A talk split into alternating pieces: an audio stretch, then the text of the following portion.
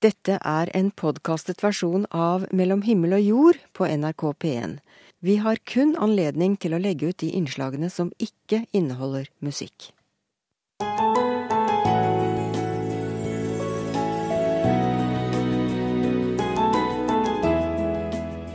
Det var veldig kaldt. Jeg hadde ikke engang en jakke på meg, eh, en ytterjakke.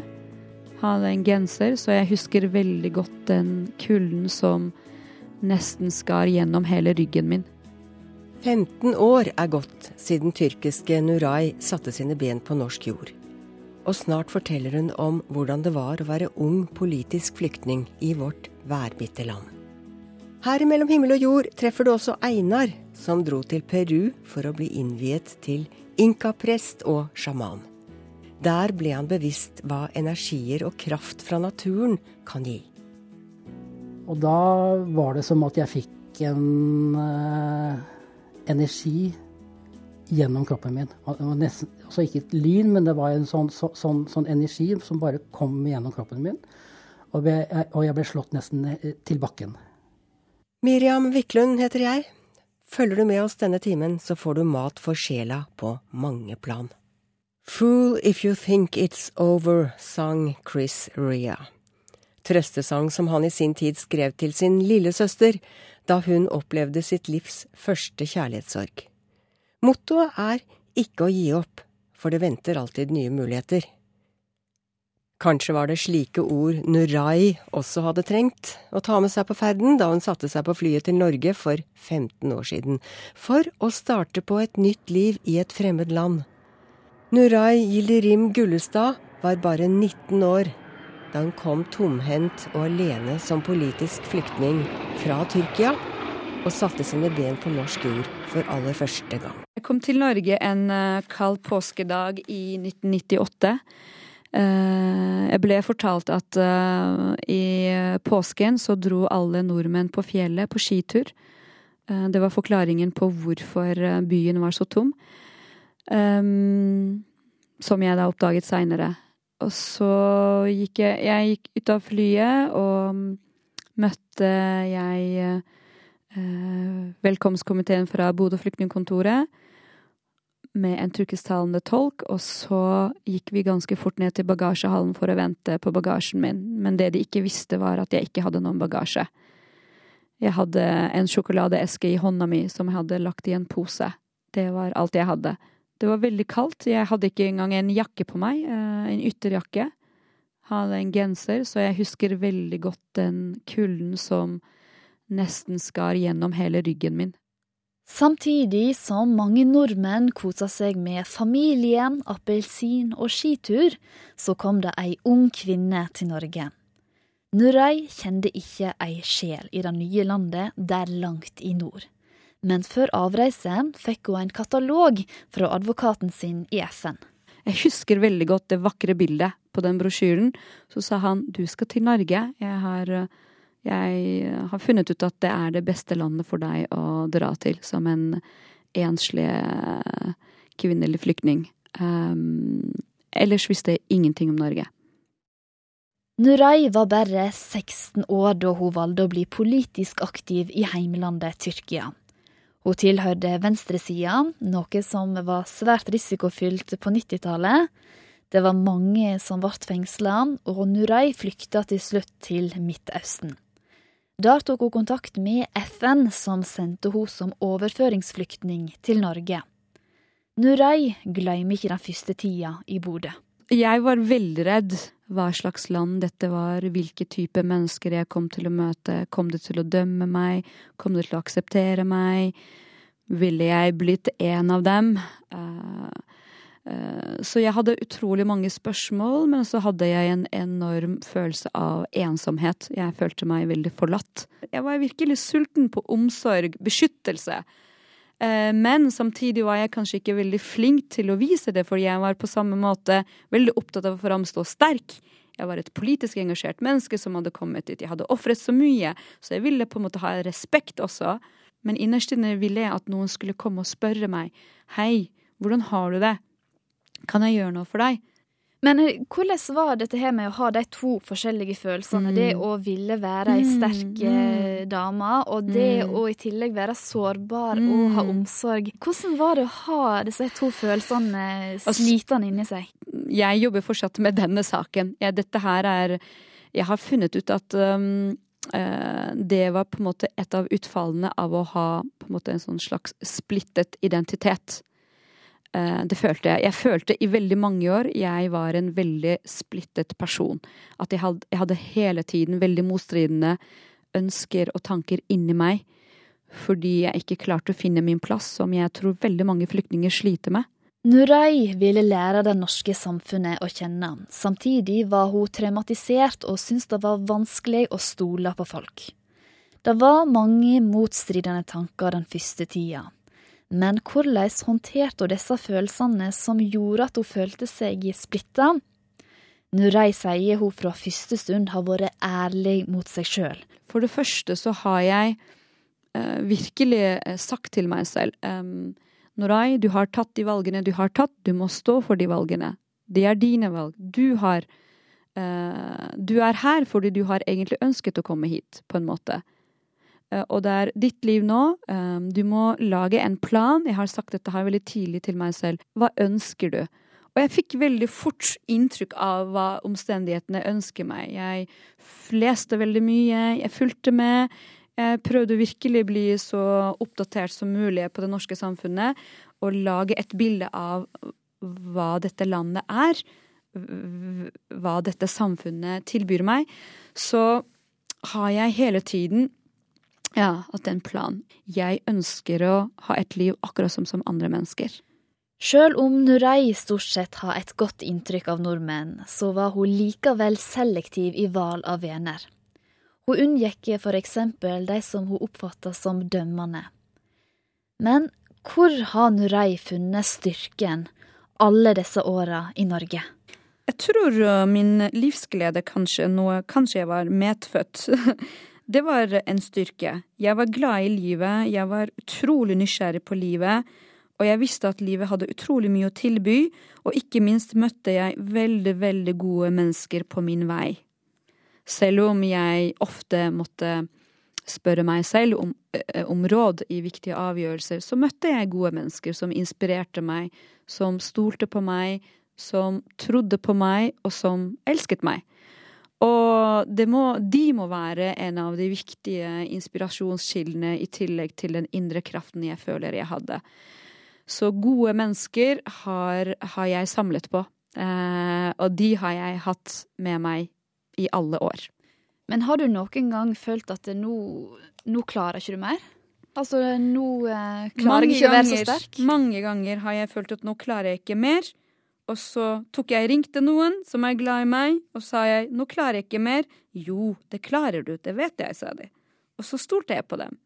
Og jeg bare trengte å høre den bekreftelsen. Jeg, jeg kunne klare mer. Så jeg, jeg, gikk videre, men jeg måtte ha den bekreftelsen hele tiden. Så det å ha et godt sosialt eh, nettverk, det har vært viktig for deg? Uhyre viktig. Kanskje det aller viktigste.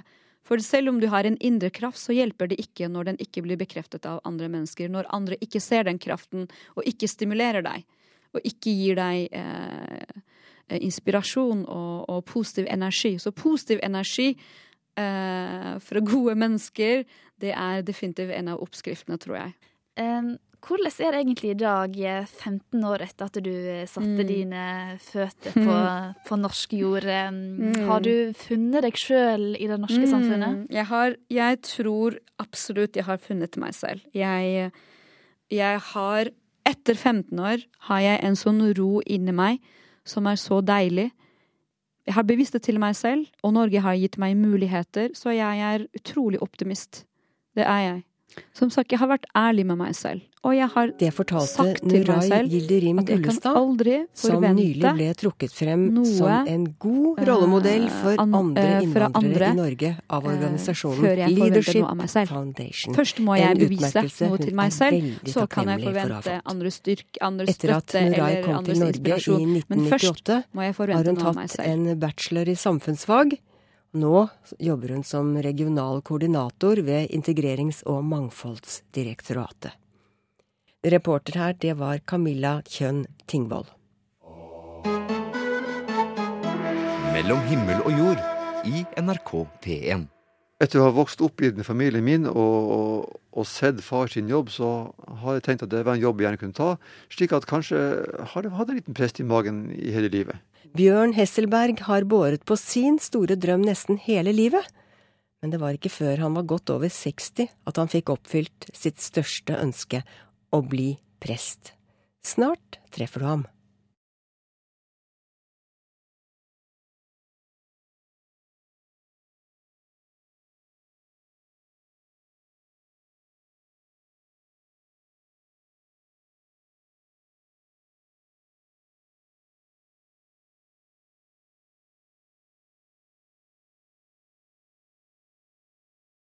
Vi har hørt om hvordan det opplevdes å komme alene som flyktning til Norge fra Tyrkia.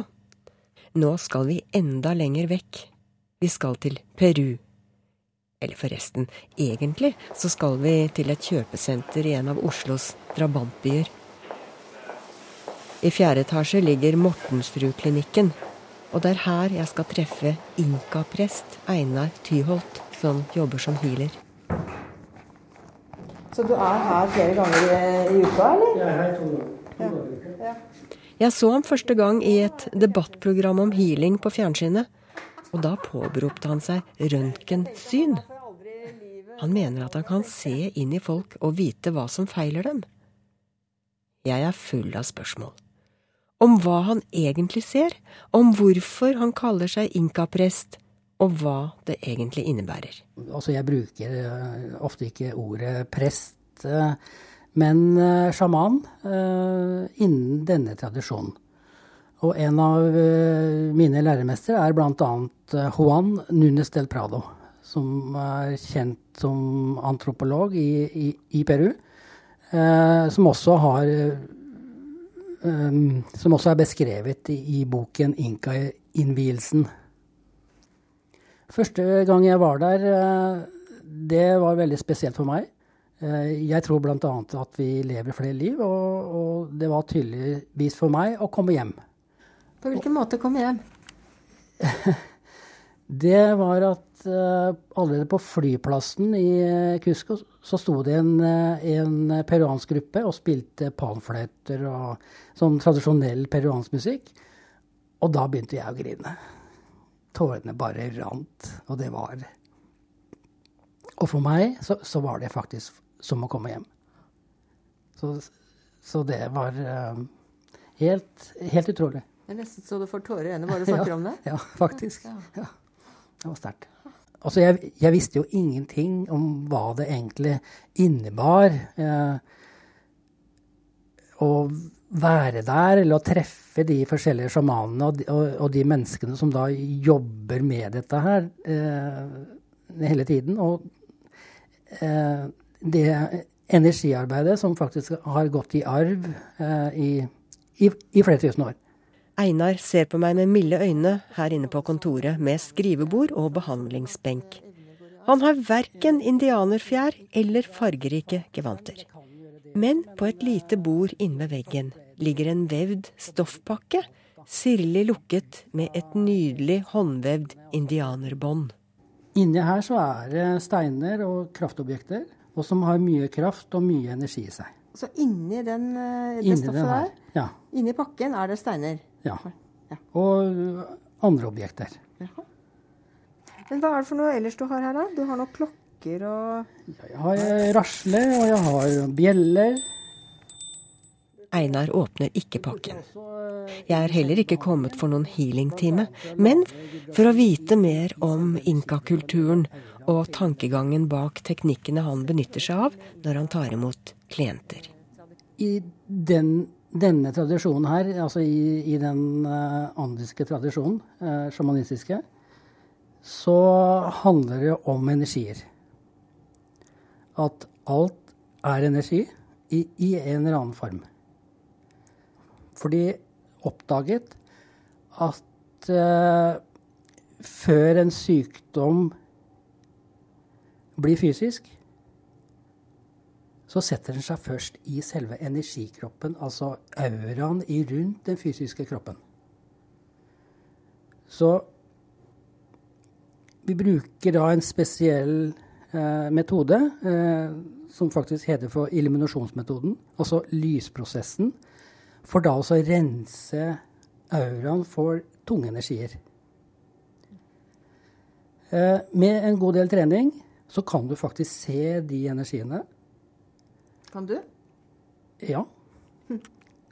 Det som har skjedd med meg, det er jo ting som har skjedd gradvis. Se energiene til menneskene. Se faktisk inni kroppen også. Altså, når jeg kommer inn døra hos deg, så, så kan du se på meg, og så ser du inni kroppen min?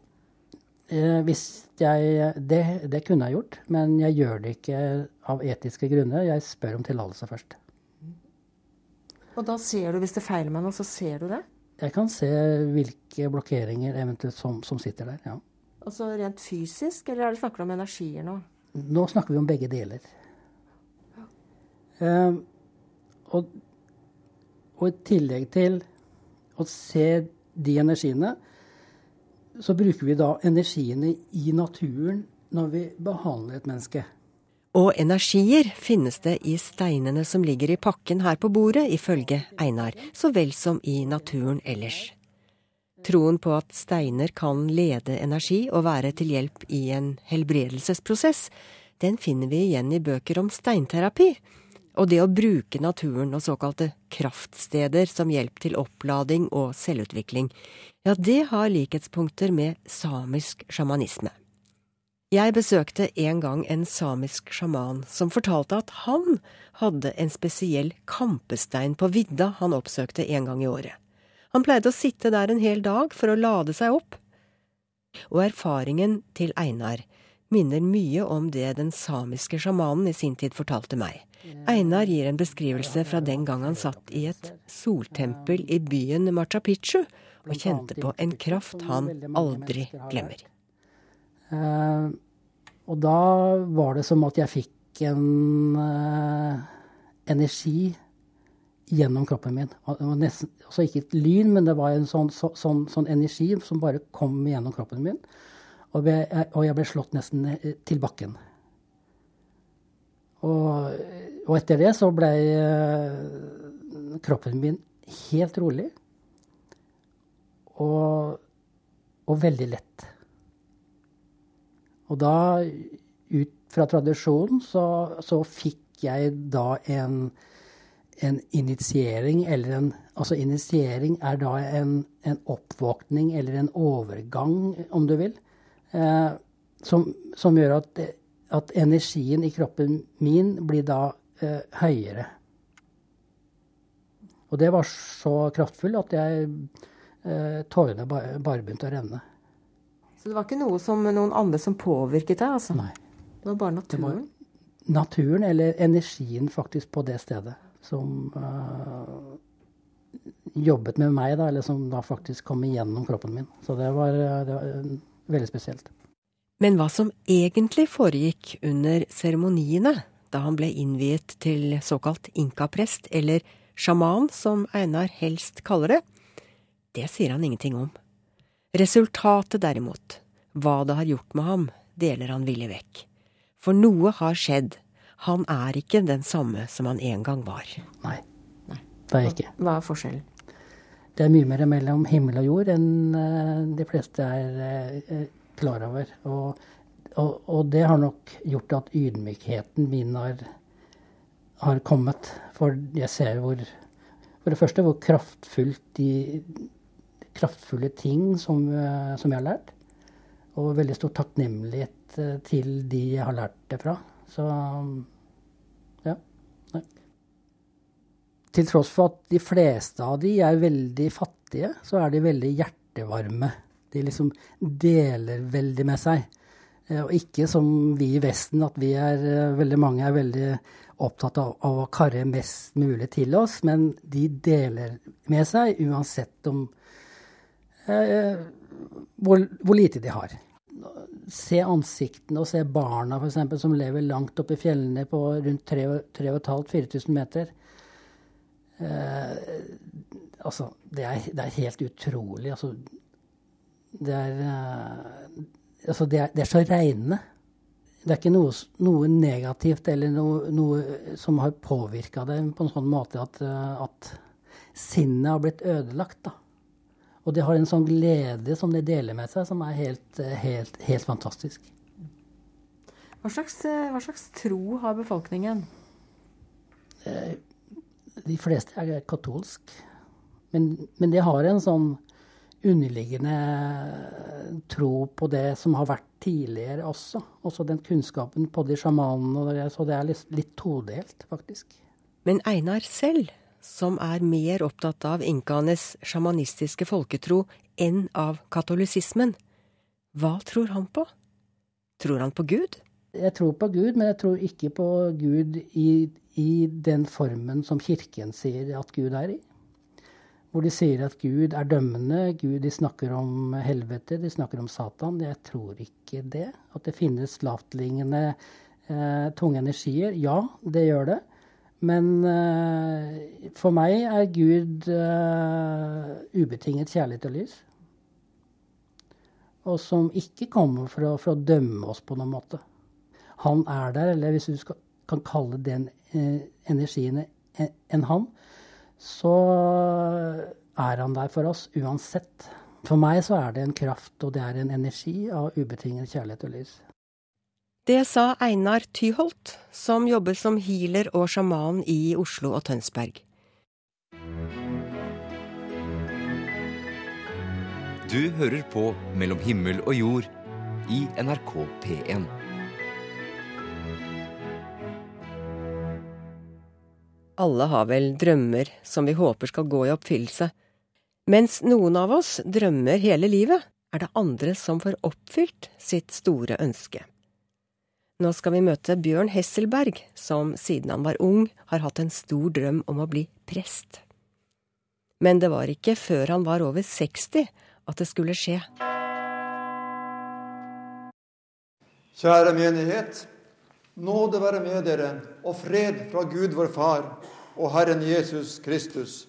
Dette er Bjørn Hesselberg i ei radiogudstjeneste fra Hummelvik kirke i Sør-Trøndelag 1. mai 2011. Temaet, også på 1. mai, er Guds kjærlighet og en oppfordring til oss om å søke det gode.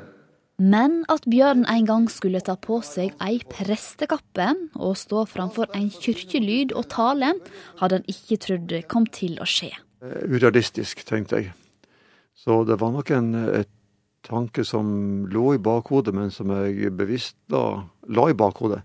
For jeg så det ikke som realistisk å kunne bli prest.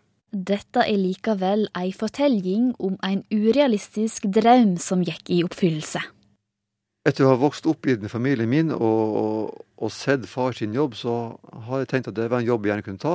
Slik at kanskje har jeg hatt en liten prest i magen i hele livet. Hesselberg har vært en uh, prestefamilie i generasjoner. Far nevnte at det var kanskje en, 10-11-12 generasjoner. Og så var en 12.-13. generasjon som ikke var prest. Én prest i magen, men Bjørn utdanna seg likevel aldri til prest i ung alder. Jeg var vel aldri noe skolelys. Og en teologiutdannelse, en presteutdannelse, er tradisjonelt den lengste utdannelsen vi har i Norge.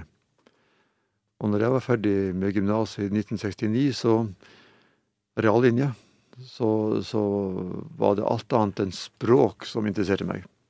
I min ungdom så, så var jo språk, eh, både engelsk, tysk og fransk, obligatorisk, til og med på en reallinje tre år på reallinja, så hadde vi fransk. Og jeg husker da i Tromsø på gymnaset, da jeg fikk min første prøve tilbake, så sto det 'tre mauvais'. Og Bjørn han var jo så flink i språk at han måtte slå opp og se hva den karakteren betydde. Jeg visste at tre var meget, men mauvais var jeg spent på, og det var dårlig. Så meget dårlig var den fine karakteren jeg fikk på første prøven. Mm. Og meget dårlig var det til slutt. Dessverre. Jeg skulle gjerne kunne språk, men dårlig i språk. For eh, språk, det må du kunne hvis du eh, skal ta den vanlige presteutdannelsen? Ja, det er viktig, og det, jeg ser at det er viktig. Jeg skulle gjerne kunne et språk. Og det, det Når jeg var ferdig student og skulle begynne på høyskole, så, så måtte jeg i teologistudiet begynt med latin, gresk og hebraisk. Og det var en himmelhøy bøyg. Bjørn mangla språkøyre, og forsona seg etter hvert med tanken på at han aldri kunne bli det han egentlig ønska. Men prestedrømmen lå alltid i bakhovet. Bjørn tok lærerutdanning, men i en periode jobba han som kirkelydsekretær i Finnmark, på grunn av mangelen på prester fikk han fullmakt til å holde gudstjeneste av og til, når ingen andre kunne gjøre det. Og ble kalt for småpresten oppi der. Eh, videre når jeg kom sørover, så, så ble det også det at, eh, at jeg var spurt av og til om å ta noen små, enkle gudstjenester. Gjerne fritidsgudstjenester, og, og noen gang i, i kirke. Og da var det biskop eh, Vagle som ga meg fullmakt til å, å gjøre det. Og du var ikke vanskelig å be? Nei, i grunnen ikke. Det, jeg så det som et, uh, en utfordring, et kall til å, å gjøre en jobb uh, der det var behov. Og da syns jeg at ved å si nei til det, så hadde jeg sagt nei til et gudskall, og det kunne jeg ikke gjøre. Lysten til å bli prest bare vokste etter dette, men åra gikk. Da Bjørn var i slutten av 50-åra, kom han tilfeldig i prat med ei dame som kunne fortelle at hun hadde blitt prest uten å ta det sju år lange teologistudiet. Bjørn hadde aldri hørt om Kirkelig utdanningssenter i Tromsø. Kunne dette utdanningstilbudet for voksne med en prest i magen være noe for Bjørn? Kunne den store drømmen gå i oppfyllelse likevel? man kan på bakgrunn av en konkret vurdering bli godkjent å, å, som eh, menighetsprest. Og eh, da var det for meg å sende en søknad til Kirkerådet, legge til grunn min utdannelse og legge til grunn min praksis. Og for så vidt også mitt ståsted. Det var en lang og omstendelig skrevet søknad. Og det var spennende å møte i Oslo til den uh, samtalen der. Uh, og da, da, møtte jeg jo uh, professorer og presteforening og kirkeråd og det hele. Og det rare var at den samtalen var hyggelig. Det, det var ikke noe psykisk press. Jeg syns de tok imot meg på en åpen og god måte. Det virka som de var interessert i å få ut hva står denne karen for. Er det noe vi kan bruke? Så jeg følte ikke noe eksamenspress, nei. Det var en, det var en god opplevelse. Og eh, samme kveld når jeg kom hjem fra Oslo, så lå det melding på min PC om at det var godkjent. Hvordan uh, føltes det? Da følte jeg at uh, nå blir det en ny vei i mitt liv. Ja, hva da hvis du hadde fått et nei? Hva hadde skjedd med det da? Det vet jeg ikke. Men jeg hadde fortsatt i jobben jeg hadde. En jobb som jeg trivdes i. Men hadde du blitt skuffa? Ja, det hadde jeg blitt. Mm. Men du sier at det er Det ble en ny vei i livet ditt eh, nå når du fikk eh, denne godkjennelsen. Mm. Eh, på hva måte da? Personlig så er det jo Ja. Det er jo både det at å bli akseptert, det er jo personlig godt. Det er en følelse som rimelig fort går over. Eh, men sånn der og da Yes, det var Jeg klarte det. Sånn, den typen reaksjon. Men etter hvert så, så blir det det at du må jobbe med det her, og du, du modnes jo mer og mer. Jeg var jo ganske moden allerede. Nesten 60 år. I Tromsø, der du eh, skulle begynne å studere nå, mm. eh, så er det jo viktig for meg det at det, det var ikke et krav at du måtte lese språk når du begynte der? Nei, det, det, var jo den testen som var gjort på Kirkerådet. At man eh, så på min totale kompetanse. Og den var totalt vurdert slik at jeg kunne være kompetent til å gå inn i en eh, prestetjeneste etter den praktiske utdannelsen. Etter godkjenninga fra Kirkerådet begynte Bjørn på et to års deltidsstudie på Kirkelig utdanningssenter i Tromsø. Da han var 61 år i 2010, var drømmen gått i oppfyllelse. Endelig var han utdanna prest. Så det var godt å få lov, å, å få lov til å, å, bli det. For når du er kristen og tror på Jesus, så, det, så har du et ønske om at andre skal få samme gave. At andre skal få samme opplevelsen og samme tryggheten og tilliten til, eh, til vår skaper. Og det, det er jo et, et, oppdrag vi har som kristne, å gå ut og fortelle andre om hvem Jesus er. Jeg kunne jo fortelle det før òg, men nå er det jo det som er hovedoppgaven min. Og det, det syns jeg er flott å få lov til. Det er nok mange der ute i Norges land som har en drøm om enten å bli eh, Altså få et nytt yrke, ei reise. Eh, ja, det kan være så forskjellig. Eh, hva har du å si til de som går med en drøm? Du må ikke gi opp drømmen. Nei, det må du ikke. Det, og det, det, går godt an å være 60 år og, og ta litt ekstra utdannelse for å kunne skifte. Kanskje ikke alltid så radikalt som jeg har gjort, men, men det er mulig. Og uh, du har alltid muligheten til å lære mer. Det er aldri for seint å få oppfylt uh, drømmen sin? Nei, nei, det er aldri for seint å oppfylle drømmen. Gå i fred, tjen Herren med glede. I år er Bjørn Hesselberg 64 år og stortrives som prest i Hummelvik kirke i Malvik kommune i Sør-Trøndelag. Takket være Kirkelig utdanningssenter i Tromsø, som kom i gang i 1999, fikk han oppfylt sin store drøm. Du hørte ham i samtale med Camilla Kjønn Tingvoll. Det var alt vi rakk i Mellom himmel og jord denne søndagen. Jeg heter Miriam Wiklund og ønsker deg en riktig god helg. Hvis du vil høre programmet om igjen, har du to muligheter. Du kan gå inn på vår programspiller radio.nrk.no. Der kan du lete programmet opp. Eller du kan laste ned en musikkløs versjon via nrk.no podkast.